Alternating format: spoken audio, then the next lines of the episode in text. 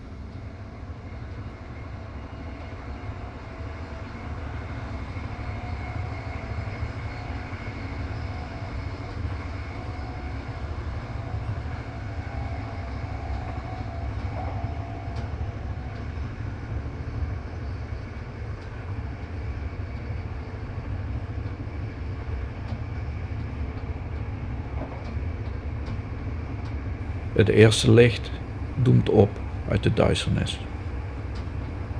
De nacht protesteert, wil zijn hegemonie nog niet opgeven, maar hij moet plaatsmaken. Het leven ontwaakt, heeft licht nodig, zichtbaarheid.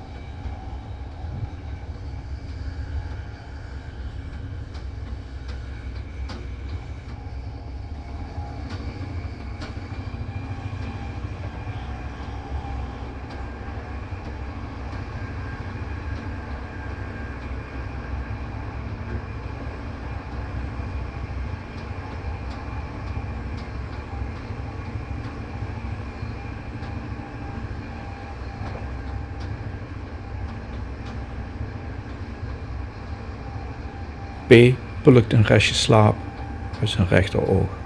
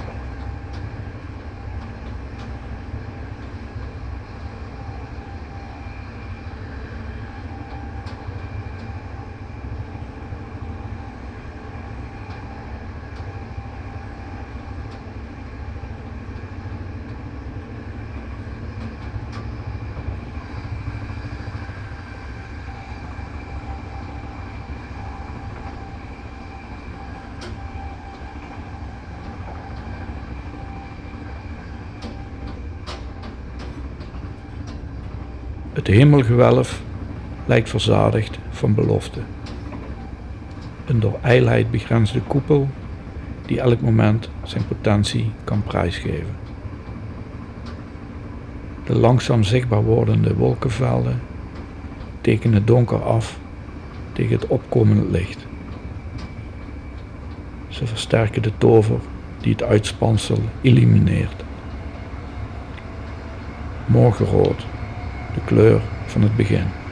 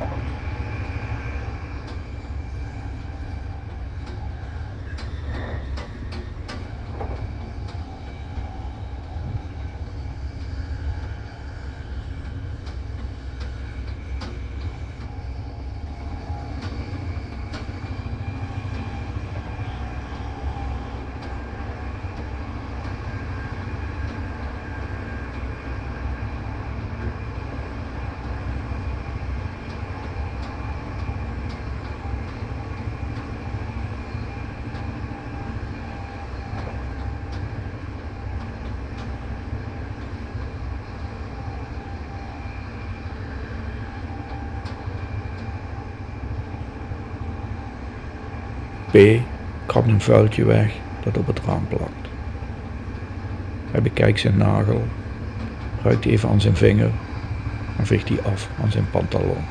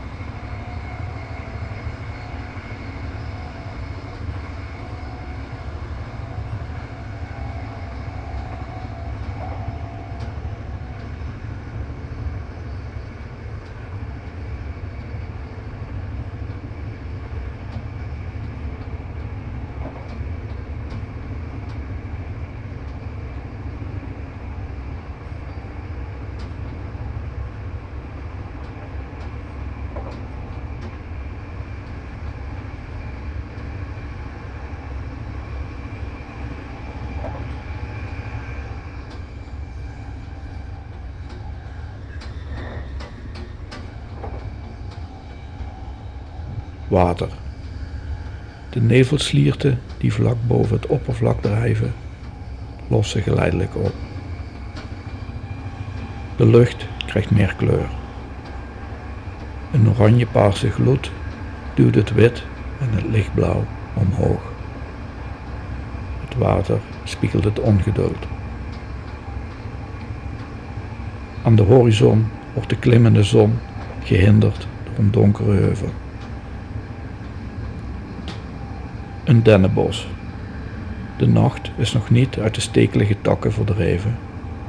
Het zwart oogt vastberaden, enigszins vervaarlijk.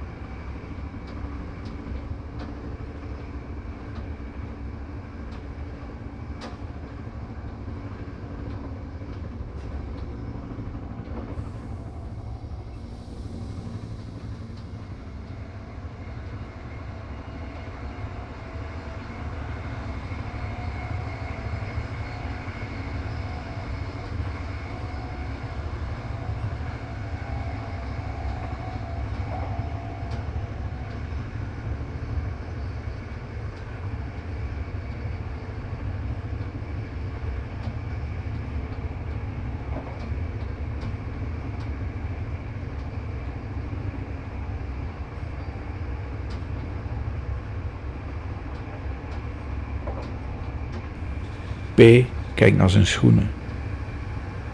Hij maakt de veter van zijn linkerschoen los en strikt hem opnieuw. Even later rukt hij aan de veter van zijn rechterschoen. Strak genoeg.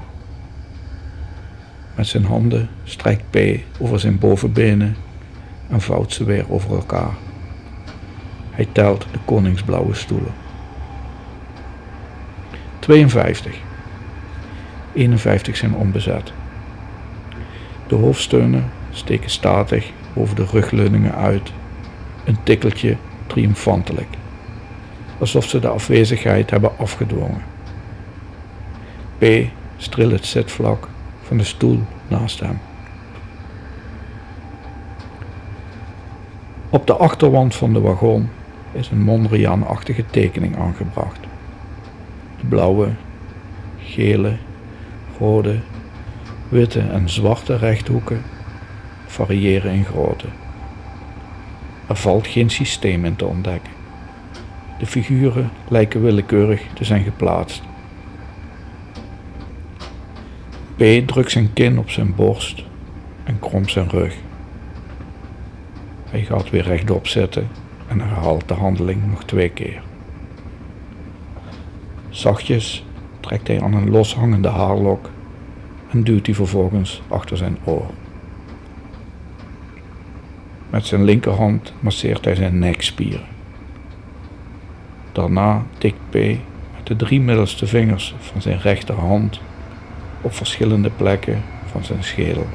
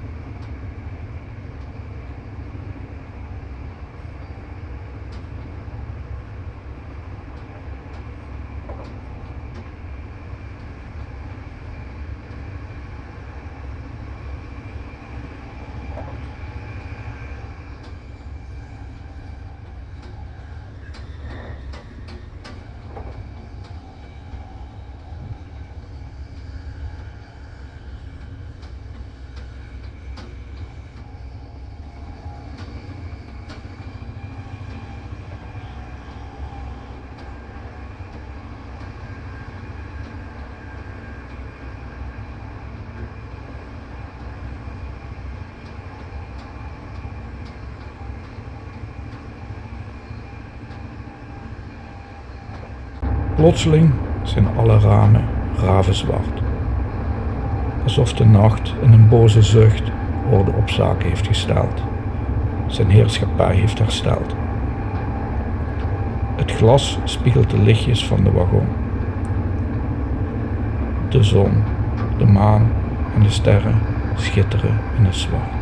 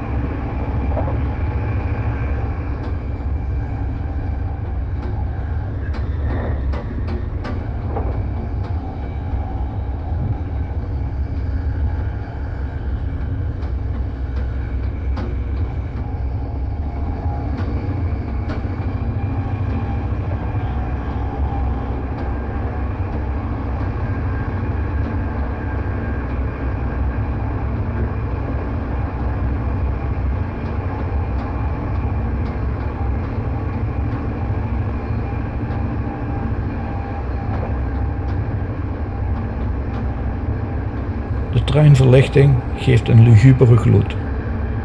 De goudgele lampen, die in twee strakke banen boven de bagagerekken zijn aangebracht, accentueren de langwerpige vorm van de wagon.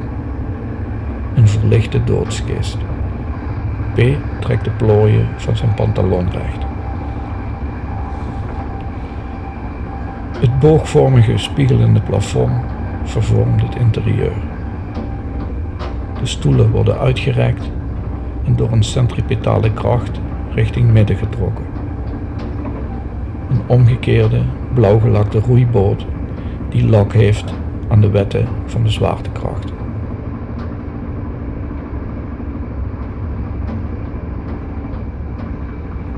P sluit zijn ogen en drukt zijn achterhoofd tegen de stoel.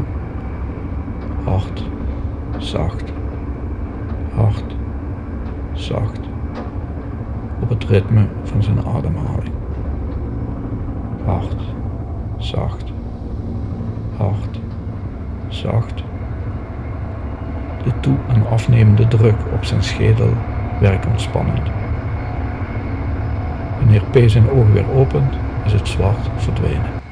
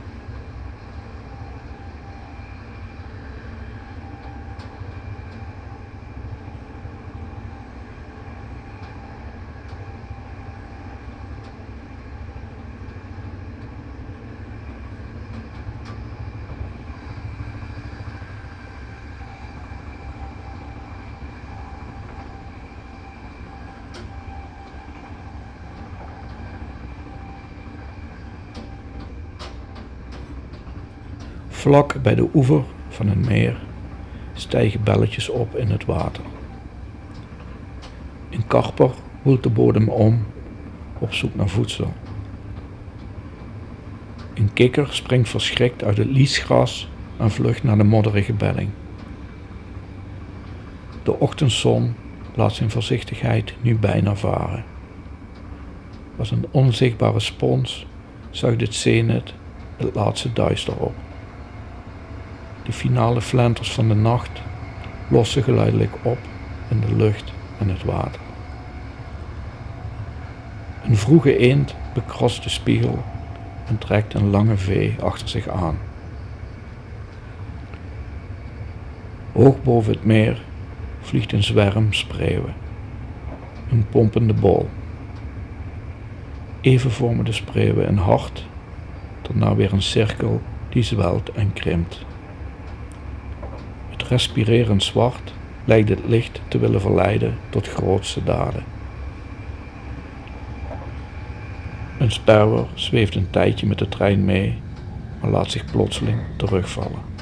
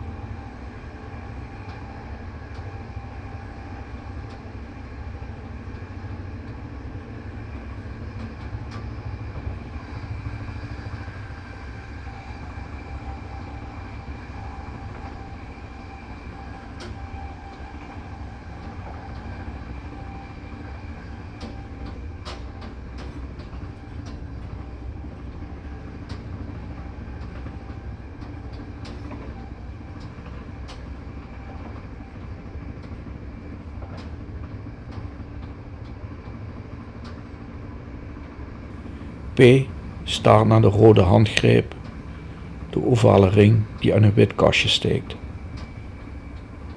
De drie zinnen onder het in schriftloze letters aangebrachte woord noodrem kan hij ook met dichtgeknepen ogen niet lezen.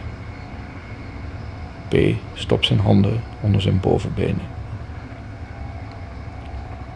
Gehaast staat hij op, kijkt opnieuw naar de rode handgreep, aarzelt even en neemt plaats aan de overkant van het gangpad. Zenuwachtig speelt P met de gesp van zijn riem. Hij drukt de punt van de stift onder de nagel van zijn linkerwijsvinger. Wanneer het pijn gaat doen, schiet hij overeind en gaat terug naar de toegewezen zitplaats.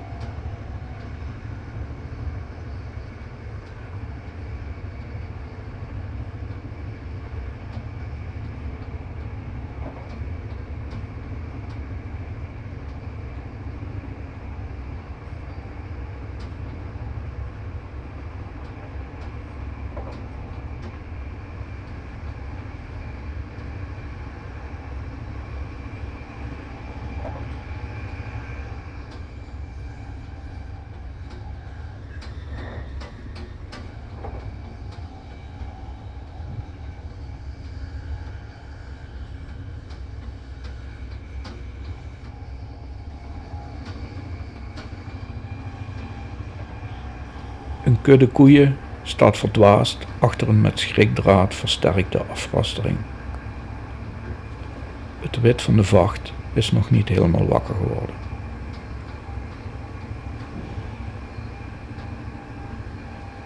Uit de rand van het bos schiet een hond tevoorschijn.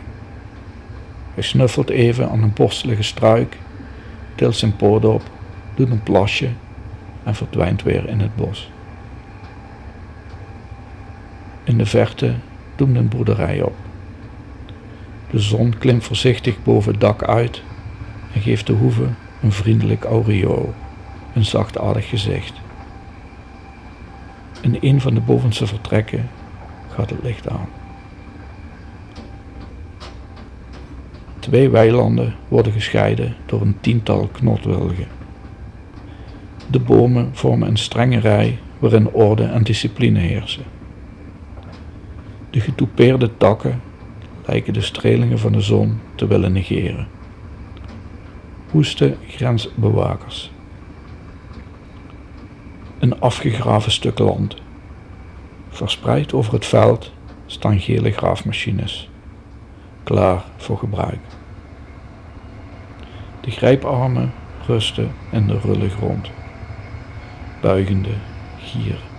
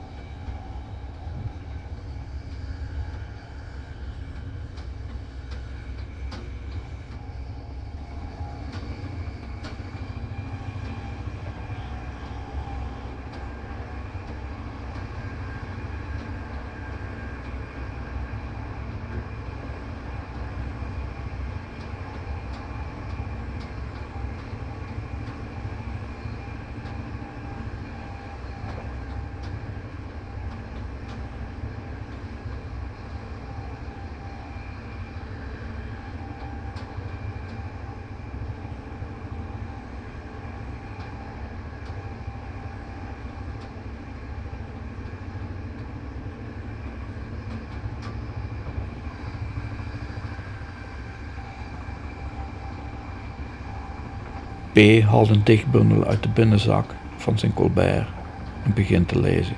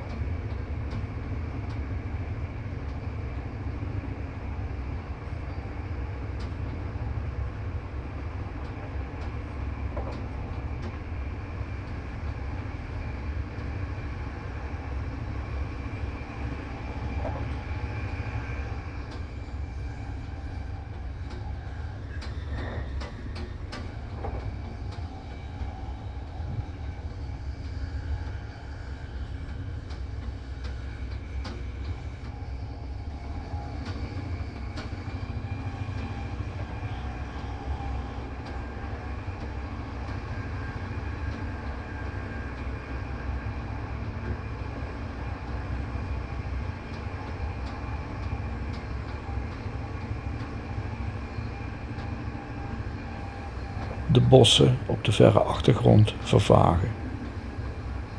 Alsof een kunstschilder trefzeker een paar streken groen heeft aangebracht, een waas van oneindigheid. Een kale vlakte verschijnt. Geen gras, geen bomen, geen bebouwing, geen machines, geen leven. Het zonlicht weerkaatst op het zanderige oppervlak.